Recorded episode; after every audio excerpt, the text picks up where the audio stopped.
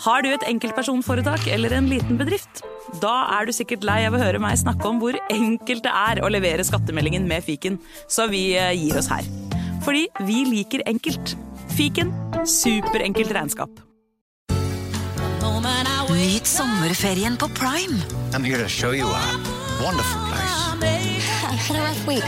Opplev spennende turer. Så kan dette bli veldig farlig. Finn sommerkjærligheten. You're like a Coachella. Hi. Hi. Se på Fallout, Furia eller The Idea of You. Og gjør deg klar for en sommer full av eventyr. Bare på Prime. Krever abonnement på Prime Video. Si signore, Morten. Eh, ciao, Jim. Prego. Og ciao eller prego til alle våre kjære lyttere. Og i dag så har vi en stor eh, eh, til ja, et, dere alle sammen. Et tilbud som lytterne kanskje ikke kan si nei til. For vi har bestemt oss for å gi dere en liten smakebit på hva man får med abonnement i Untold. Eh, si, men hva er Untold, Morten?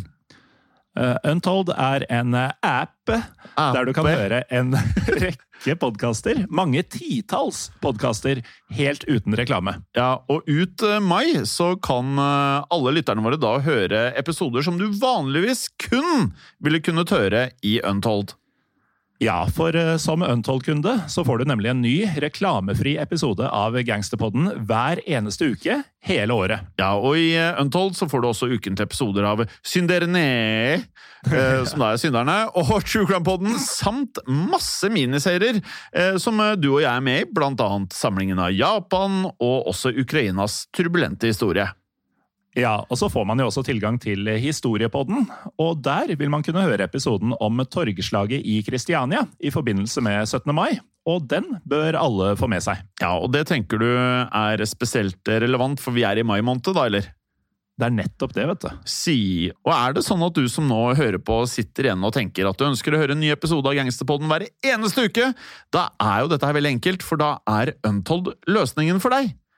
Nettopp, så da går du inn på AppStore eller Google Playstore og laster ned Untold, eller du bruker nettleseren og går til untold.app for å starte ditt abonnement i dag. Si, og da kan du da få 30 dager helt gratis hvis du ikke har gjort dette tidligere også, og det er jo en eh, overraskelse du ikke kan si nei til. Ja, det er en grunn til å ikke sove med fiskene. Ja, det er det, men også holde det gangster. Ha det bra!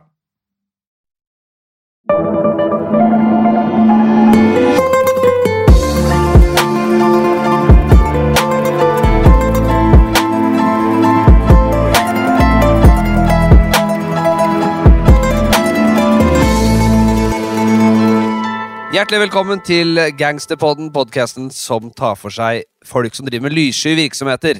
Eh, Jeg heter Henrik Fladseth, og på motsatt side så har jeg Nå trodde jeg du skulle introdusere meg, men eh, Jim Fosheim eh, heter jeg. Ja, Ikke sant? Det er veldig Jim... mørkt det alle holder på med i den podkasten her, skjønner du. Det er stort sett drittmørkt. Nei, ja, det er, det er, det er, folk har jo humor også, selv om de ja. opererer på feil side av den såkalte loven. Eh, Ofte, ofte litt annerledes humor. Ja. det- Jeg innbiller meg at mange, mange mafiafolk har litt sånn slapstick-humor, forstår jeg mener. At de syns det er gøy når folk slår seg eller blir skadet eller blir drept på en litt uh, annerledes måte. De liker, i likhet med deg, uh, Hjemme alene-filmene. Vil jeg tro. Ja, du tok opp det, ja? Fordi jeg spurte deg før sending om du skulle se Alene hjemme-filmene. Ja. Du, Men er ikke- er ikke det obligatorisk frampå. Er ikke det obligatorisk å se i jula? Nei, jeg, jeg ser Jeg er ikke så opptatt av sånt. Jeg ser, jeg ser gode ting og spiser gode ting. Og så styrer jeg unna det som bare er til for tradisjonens skyld. Men er det noen Så, julefilm som er ja. bedre enn Alene hjemme, lurer jeg på da. Ja, hva alle andre filmer som er bra? Hvorfor må det handle om jula, da? Nei, men Er det jeg ikke sier, nok jul? Innenfor julefilm så må jo det være det aller ypperste som har blitt eh, produsert. Ja, hvis du er et barn! så er Nei. det, bar det er barnefilmer. Flatseth, det betyr at du ikke liker julefilm? Jo, jeg kan eh, like en god julefilm. Uh, hva heter de der, der uh, Love Actually og det er Fin film, det. Fin, God film. Den Ok, der så liker, derre liker ikke Alene hjemme, men liker Love Actually. den der med han derre Mr. Bean Rowan Atkinson, hva heter den da? Er ikke det Love Actually? Er Han ikke er Love Actually, ja? Mm, nei. Det er fire bryllup på en graf her, ikke Det er ikke Jo, julefilm. Stemmer det. Nei, det er ikke det. Nei. Men, men det, det er bare sånn at det her blir eh, riktig, så er det sånn at eh, til dere kjære lyttere, denne spiller vi inn nå øh, øh, noen dager før julaften. Øh, så vi må jo huske på slutten her Fladseth, da å ønske godt nyttår også. Eller skal vi bare ta det nå, og se ferdig med det? vi tar det nå, vi. Godt nyttår. Godt nyttår! Eh, veldig elegant, dette her. Eh, over til innholdet i dagens episode. Eh, vi skal, så vidt jeg kan huske, over til et helt nytt land for oss her i Gangsterpodden. Vi skal nemlig østover. Til verdens eh, nest mest folkerike land. Det vet du hva er, Flatseth? Ja, det er jo Du har Kina, og så har du India. Ja, det er riktig, det. Uh, og som jeg, jeg, jeg vet jo veldig Ja, ja. godt hvilket land vi skal til, så jeg skal ikke late som noen som nei, Ikke funka ikke det. Eh, men uansett så er det jo sånn at eh, kriminalitet og mafia er jo, som vi har vært gjennom eh, for n-te gang i denne podkasten, ofte organisert. Noen såpass eh, bra sånn at det faktisk etterligner en vaskeekte bedrift. Eh, og i dag så skal vi kikke nærmere på hvordan eh, nettopp dette har foregått i India. Ja. Og vi skal rett og slett fortelle om, det, uh, fortelle om en mann ved navn Davud Ibrahim, Ja. som har blitt kalt The Don of Mumbai. Uh, han er med andre ord en uh, mektig, svært mektig boss i den indiske underverdenen. Vi skal vi skal nå da følge Ibrahims reise da fra selvfølgelig fattiggutt i slummen, som de ofte er, til internasjonal druglord. Og det er jo den karriereutviklinga der vi elsker, ikke sant?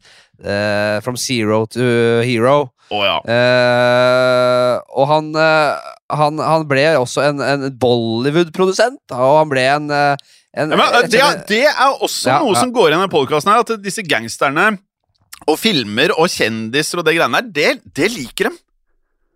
Ja. De gjør det. de, ja, de går ofte inn i filmindustrien på en eller annen måte. De, eh, de får altså, det, Kall det gjerne en, en form for stormannsgalskap, da. Ja, de er så de, de, nå har de fått alt de vil gjennom, uh, gjennom det livet de har levd, og så skal de sikle seg inn på sirkle seg inn på filmindustrien også.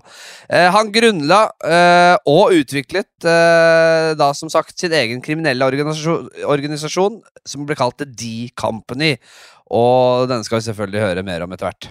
Det skal vi, men la oss ta det hele fra starten av Fladseth. Davud Ibrahim Kaskar ble født 27. desember 1955, så han ble født i jula. Han vokste opp i Dongeri, som er en muslimsk bydel i den ellers eh, hindudominerte storbyen Mumbai. Og Dongeri var etter sigende tettbygd og kun på størrelse med to fotballbaner. Og mens Davud vokste opp, var det to eldre gutter fra Dongeri som gjorde seg bemerket innenfor det lysskye, altså kriminelle karer, nemlig Karim Lala og Haji Mastan. Og disse to unge karene de stjal eh, varer, de, og solgte dem på det de kalte da eh, på norsk eh, oversatt, altså tyvenes basar. Og, de ble, og det her er jo et sted jeg liker veldig godt, Flatseth. The Bazaar of Thieves. Oh. Um, og disse to gutta skulle da Altså, de starta på Tyvenes basar, men de ble etter hvert eh, blant Mumbais aller største mafiabosser. Ja, så vår mann eh, Davud han hadde jo da med andre ord eh, to lokale kjeltringer å se opp til, to forbilder.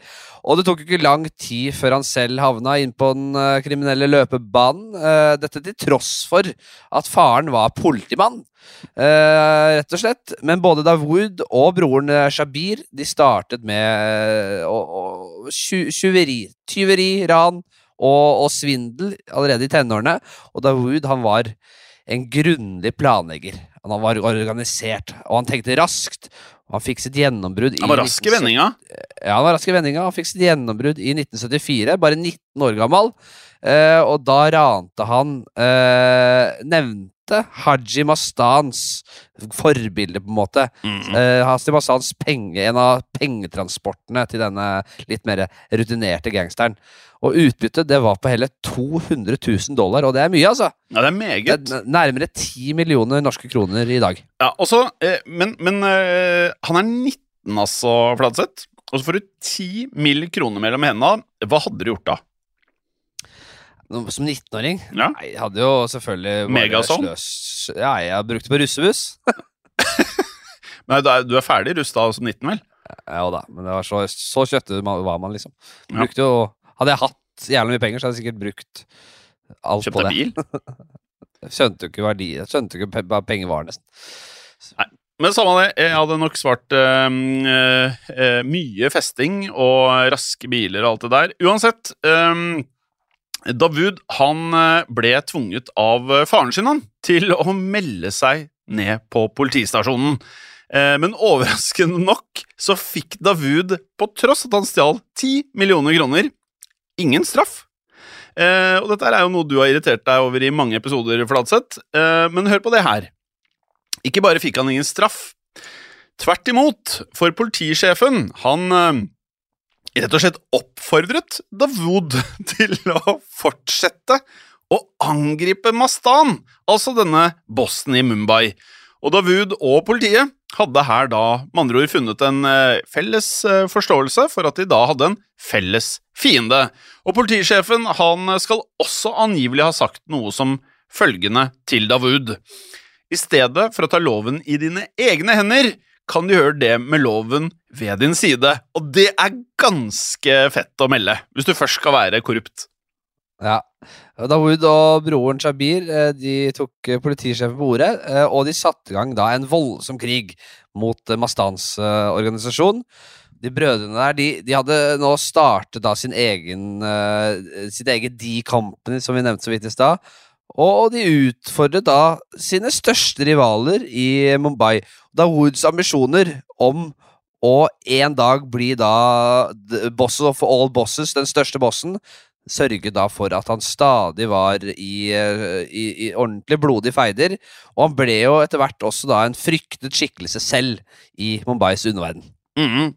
Eh, men eh, denne krigføringen, den førte med konsekvenser, som det alltid gjør i gangsterpodden. Spesielt rivaliseringen med Patan-gjengen skulle vise seg å bli eh, fatal. For i 1981 så ble Davud og Shabir fanget i et eh, klassisk bakholdsangrep på en bensinstasjon. Og Davud han klarte å komme seg unna, men Shabir var dessverre ikke like heldig for hans del. Han ble rett og slett skutt og drept av eh, leiemorderne fra Patan. Ja, og nå etter at Dawood eh, mistet da sin kjære bror, så brøt jo helvete løs. Dawood han ble da om mulig enda mer utålmodig, enda mer brutal. Han slo seg nå sammen med Mastan, og sammen så kriget de mot Patan og deres allierte. Det er litt Ja, det går litt fort i svingene her, kanskje, men sånn var det. Rett og slett. Eh, så de, de, de førte nå en blodig gjengkrig i Mumbai. Det var et helvetes Texas der nede nå. Ja, Det var et helvete, faktisk. Og Davud, han eh, regelrett eh, utslettet hele Patan-gjengen, eh, og også partnerne som de hadde. Og slik så kom Davud da seirende ut av denne konflikten. Og så skulle det da vise seg at denne mektige Haji Mastan valgte å gå inn i politikken, og da tok Davud over som den ubestridte bossen i hele Mumbai. Og det, det har vi jo sett mange ganger, Flatseth, at det, det blir et vakuum, vet du. Hvis en boss blir drept, eller eh, ja, kommer i fengsel, eller eh, rett og slett skifter yrke i den grad det er mulig, så blir det et vakuum og et maktskifte. Ja, og nå, nå jobba han seg opp til å rett og slett eh, bli helt eh, urørlig her. Altså, det, var, det var en rekke av grusomme drap, og eh, han skremte jo livskiten ut av folk. Så det Mm. var ingen andre gjenger som turte å konkurrere med Dawood. Dawood han tvang også den siste store bossen, Karim Lala, til å inngå våpenhvile med han. Og våpenhvilen den ble inngått da i altså selveste muslimenes hellige by, i Mekka. Ja. Og da, da, da, da, er det alvor. Det er alvor. Da, da, da, mener man å inngå en avtale. Man gjør det, men eh, Davud han eh, fikk ikke bli i Mumbai spesielt lenge. Og denne voldsbølgen hadde nå blitt rett og slett for mye for politiet i Mumbai, som for lengst hadde innsett at Davud var nå blitt en samfunnstrussel. Så de var jo med på å skape dette monsteret da, Fladseth. Men Davud han ble da tiltalt for drap, og det var kun én utvei her. Det var rett og slett å rømme landet. Og I 1986 så valgte Davud derfor å reise ut av landet, nemlig til Dubai i De forente arabiske emirater, hvor han da fikk lov til å være i fred. Ja, eh, men det var ikke sånn at Davud lå på, lå på latsiden av den grunn. Eh, I Dubai så dannet Davud en allianse med eh, lokale sjeiker for å da styrke innflytelsen sin. Og han elsket å vekke frykt hos mennesker. Dette, han var en jævel, rett og slett. Eh, og han ble jo snart da en av de mest beryktede kriminelle i Dubai også. Ja. Eh, og Dawood han eh, overlot det daglige lederskapet eh, av D-Company til sin løytnant Shota Rajan. Eh, og i løpet av 80-tallet så eh, ble kompaniet Indias desidert største mafia. Ja, men eh, med Dubai som sin eh, nye base så utvidet Davud operasjonene sine. Og Davud han tjente en formue på gullsmugling, altså såkalt Havala-virksomhet. Havala er eh, For å forklare det, da. Havala er et system for betaling og pengeoverføring over landegrenser. Altså Systemet er også um, kjent og også brukt i store deler av Asia og deler av Afrika. Og det fungerer da mer eller mindre som et alternativ til bankvesenet, og er uh, rett og slett basert på tillit og ja, islamske tradisjoner. Litt sånn krypto. På, på en eller annen måte. litt krypto. Litt krypto. Eh, og I mange land så er jo da Havala helt legitimt, eh, men dette systemet har sine ulemper. Eh, ettersom man da kan skjule avsender og mottaker, så brukes det jo da flittig i skjulte regnskap. Eh, det er ikke noe overraskelse at det, er brukt mye i, i, i, blant kriminelle. Og Havala brukes da F.eks. ved våpen og narkosmugling, eh, finansiering av terroraksjoner og hvitvasking av penger. Og det var nettopp disse tinga da Davud brukte dette til. Ja. Davud han eh, kalte residensen sin for Det hvite hus, ehm, og det har vi også erfart tidligere, at man liker å ta navnet fra kjente steder. Ehm, og det gjorde han egentlig med alle boliger som han da eide, av en eh, fascinasjon som han da hadde for amerikanske presidenter. Og han inviterte også prominente gjester hjem til seg for å da spre sin innflytelse og makt. Og Dawood han var vertskap fra ja, Han hadde alt fra mafiabosser til stjerner, og spesielt Hollywood-stjerner, på besøk. Ja, og det har blitt avdekket flere koblinger mellom Dawoods kriminelle nettverk og filmindustrien i Mumbai, altså Bollywood, som vi var inne på i stad. Og det sies at flere filmprodusenter har tatt imot finansiering fra Dawood og partneren hans, spesielt på 1980- og, og 90-tallet. Men eh, filmindustrien skal ha trukket seg unna Dawood eh, etter hvert som følge av noe svært dramatisk som skjedde på tidlig 90-tall, eh, Jim. Ja, for da sto Davud bak en hendelse som gjorde han langt mer beryktet enn noen gang, og han ble til slutt også ettersøkt av selveste FBI. Dette skal vi høre mer om etter en kort pause. Velkommen tilbake. Før pausen så hørte vi at Davud Ibrahim, the Don of Mumbai, jobbet seg opp fra slummen i Mumbai til å lede Indias aller største mafia, nemlig De Company. Og De Company, Flasset, det høres ut som en del av det amerikanske militæret, et eller annet eh, kompani under annen verdenskrig? Ja, det gjør det. Han var jo inspirert av eh, Veldig. Eller så veldig opp til amerikanske presidenter og amerikansk kultur, så det er jo godt mulig han har henta det derfra. Mm. Men uh, selv om Davud måtte gå i eksil i Dubai, så fortsatte han å ha en enorm innflytelse på hva som skjedde også i hjembyen. Ja, og det var ikke lite. For Mumbai var i ferd med å bli en rett og slett lovløs mafiabastion, på lik linje med Sicilia, som vi har vært innom tidligere. Og kaoset startet da Indias regjering åpnet opp landets økonomi i 1991. Før dette så var økonomien statsstyrt, og ja, delvis skjermet fra markedskreftene.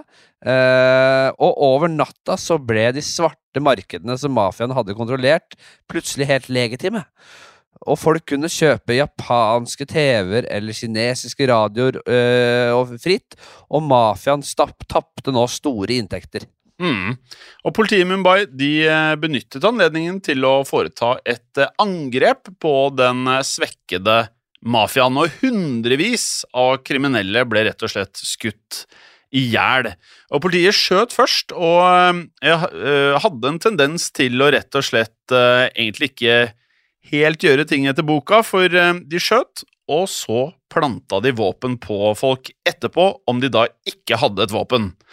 Så politiet de eh, erklærte da med dette at dette var deres måte å rydde opp i byen på. En litt annen variant enn her hjemme i Norge, Flatseth. Ja, absolutt. Eh, Og dette førte jo da selvfølgelig til, og det er jo noe av det man ser i Mexico i dag eh, Det fører jo til hevn og mer vold, og så har man en sånn spiral. Og I 1991 så havnet eh, de company-medlemmer i en eh, voldsom eh, skuddveksling med politiet, som faktisk ble filmet av flere TV-team. Ja. Det, det er noe å se det også, selvfølgelig.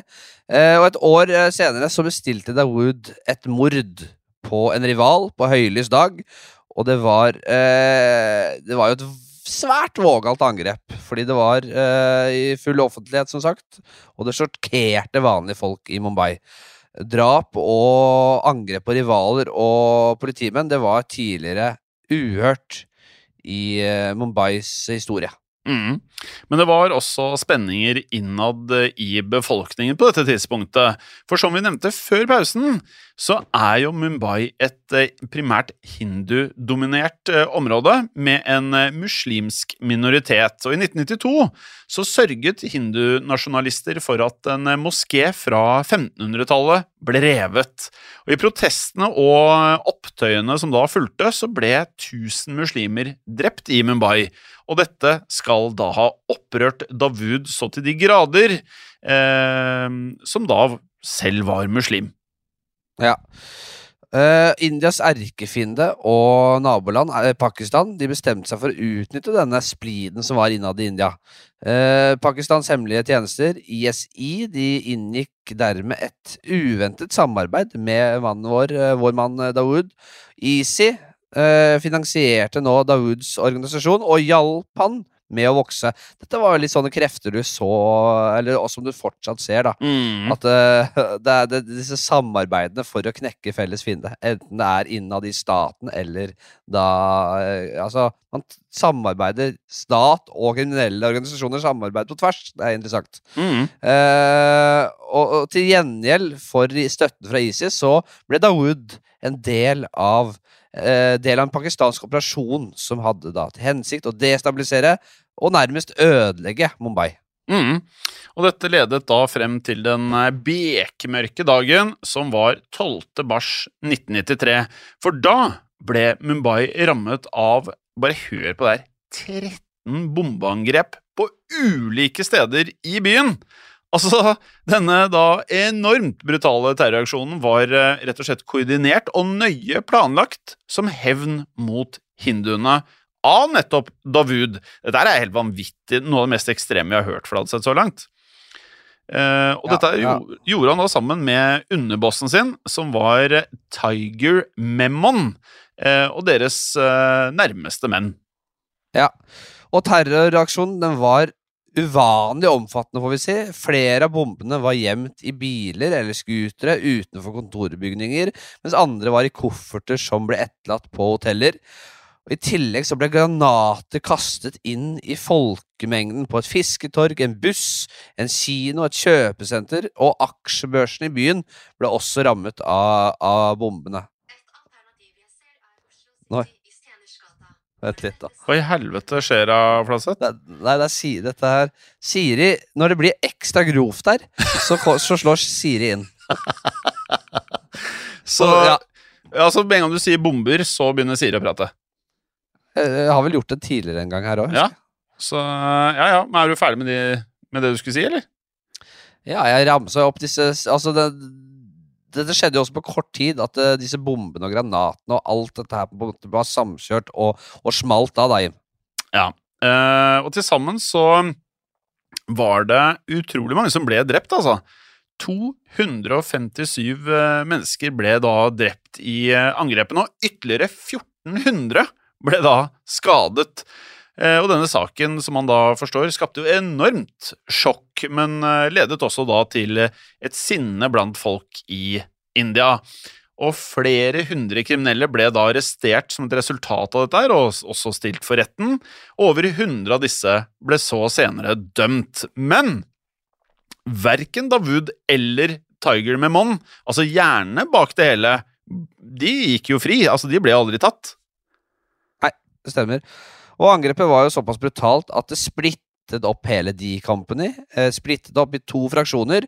Dawoods høyre hånd og stedfortreder i Mumbai, eh, Chota Rajan, var jo rasende etter eh, angrepet på det som var uskyldige sivile. Og Rajan brøt derfor ut av gjengen sammen med andre hovedsakelig hinduistiske medlemmer. Dawoods følgere uh, var på sin side muslimer, så de to fraksjonene har siden den gang kjempet mot hverandre.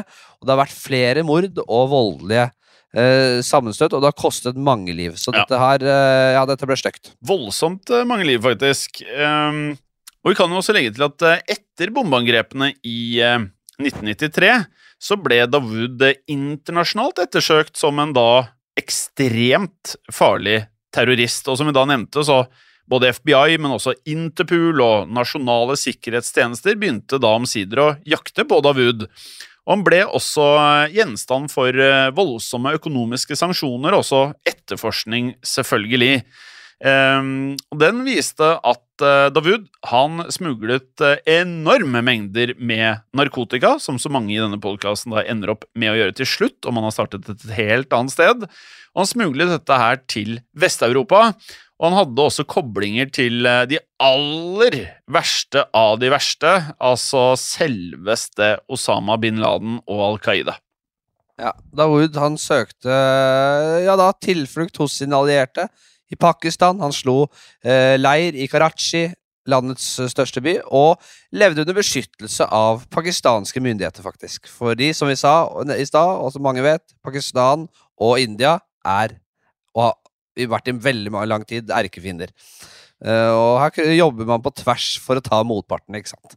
Dawood han eh, takket da sine hjelpere ved å redde Pakistans sentralbank med et massivt kontantlån, og han bevæpnet uh, Lashkar el-Taiba, en pakistansk milits som prøvde å ta kontrollen over Kashmir-regionen fra India. Mm. Du er veldig god på navnene i dag, merker jeg, Flatseth. Syns det ruller greit. Det ruller voldsomt. Uh, nå er det min tur. I 2008 så utførte Lashkar el-Taiba flere bombeangrep i Mumbai. Ett Taiba. Et Taiba. Ikke L. Taiba. Du kommer til å klare. Lashkar et-Taiba. Sånn? Det er ikke finsk, da. Nei. Lashkar et-Taiba. Mm. Bedre? Ta på nytt. Ta helt på nytt, du. Altså, I 2008. Jo da, kom igjen. Skal gjøre det ordentlig. I 2008, Flatseth, så utførte Lashkar e Taiba flere bombeangrep i Mumbai, inkludert en fire dager lang beleiring av eh, det ikoniske Taj Mahal-hotellet, der de drepte eh, litt over 30 mennesker, faktisk. Og dette var jo også da angivelig Davud som hadde smuglet eh, disse gjerningsmennene inn i India. Ja, og nå startet India med å sette en pris på hodet til Dawood. Dusøren var på 25 millioner dollar, altså 290 millioner kroner i dag, men det var til ingen nytte. Dawood holdt hodet lavt, og D-Company eh, begynte å operere på mer diskré vis. Organisasjonen gikk mer nå inn i gambling, spesielt eh, gambling på cricket, som da var Indias nasjonalsport. Ja, og Også her var det inntjeningsmuligheter for Dawood, eh, ikke uventet selvfølgelig. I 2008 så ble den indiske Premier League for cricket opprettet, som da er å betrakte som en stor turnering som nå er verdt eh, Eller det ble prissatt til omkring 63 milliarder kroner. Men i 2013 så ble det da avslørt at Davuds bror, Enes, drev en massiv bettingring, der han da bestakk stjernespillere og også truet andre til å tape med vilje. Heller ikke noe nytt blant kriminelle. Og de Company-medlemmer de har i eh, intervjuer i etterkant hevdet at eh, de kan rigge to tredjedeler av alle cricketspill over hele verden! Ja. Og vi som er fotballfolk, vi tenker at eh, fotballen er korrupt. Det er ikke så mye i forhold til dette tror jeg. Eh, selv om det er jo mye dritt i fotball nå. Men her tror jeg altså cricketen Den uh, Ja. Det som er sjokkerende med fotball, er at det er, det er, det er så mye større, og det er gjennomsyra korrupt. Ja. I 2015 så ble Dawoods eh, tidligere venn, senere fiende, Shota Rayan, arrestert av australske politimenn på Bali i Indonesia. Og etter bruddet i 1993 så hadde Rajan flyttet uh, sin egen uh, D-Company-avdeling. Vi husker at de brøt opp og skapte to fraksjoner. ikke sant? Han hadde, han hadde flyttet da sin avdeling til Malaysia. Og Rajan ble utlevert til India og soner nå fortsatt en livstidsdom der. Dawood derimot, mannen vi har fulgt i dag, han er fremdeles på frifot. Ja, og nettopp det, Flatseth, det skyldes at D-Company har gått fra å være en eh, ja, må kunne kalle en gategjeng, da, til en moderne, organisert mafiaorganisasjon. Uh, og denne D-Company den styrer jo da fortsatt uh, Mumbais underverden, så vidt vi vet. Og så lenge denne geopolitiske maktkampen mellom India og Pakistan uh, fortsetter, så kan Davud eh, trygt gjemme seg i Pakistan, virker det som. Ja, det er akkurat det han dør. Det er akkurat det han gjør. Og med det så tar vi rett og slett og gir oss eh, for i dag. Eh, Har du en låt uh, i dag, Jim? Det har jeg. Eh, Vi vurderte jo lenge å gå for noe som eh, kanskje hadde litt indisk-inspirerte rytmer. Men eh, jeg følte det var en annen knagg her, og nettopp det at folka i denne episoden var jo ikke ulikt med veldig mange andre glad i penger. Og da er det en gruppe med rappere, de er ikke like aktive i dag, men de het uh, Young Money, heter fremdeles Young Money, med blant annet Lil Wayne. Uh, og de har en sang som heter Steady Mobbin, som jeg følte var veldig passende her. Jeg smeller den rett inn i Gangsterpodden sin uh, spilleliste på Spotify. Og en liten annen nyhet i dagens episode. Jeg fikk nemlig en mail fra Spotify om at det nå fremover Jeg vet ikke om det starter fra nyttår, i så fall så er det ikke veldig lenge til du kan gjøre det uansett, men at Spotify begynner med rating av podkaster. Så vi hadde satt veldig pris på om dere også på Spotify begynte å rate Gangsterpodden. Og med det så høres vi jo selvfølgelig neste uke som vanlig, med mindre du har eh, blitt sovende med fiskene. Hvis ikke så kan du holde deg gangster. Ha det bra! Ha det!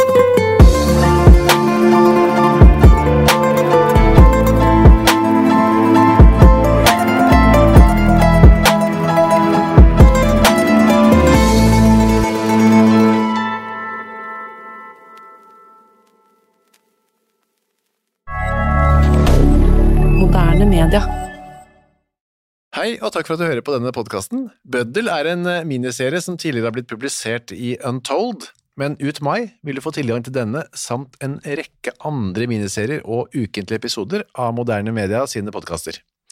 Du finner Bøddel og andre podkaster som Henrettelsespodden helt reklamefritt i Untold. Som en liten smakebit så får du hver uke i mai en ny episode av disse podkastene, som vanligvis kun er tilgjengelig for Untold-abonnenter. Hvis du liker det du hører, så bør du laste ned Untold, eller gå til untold.app for å starte ditt abonnement i dag.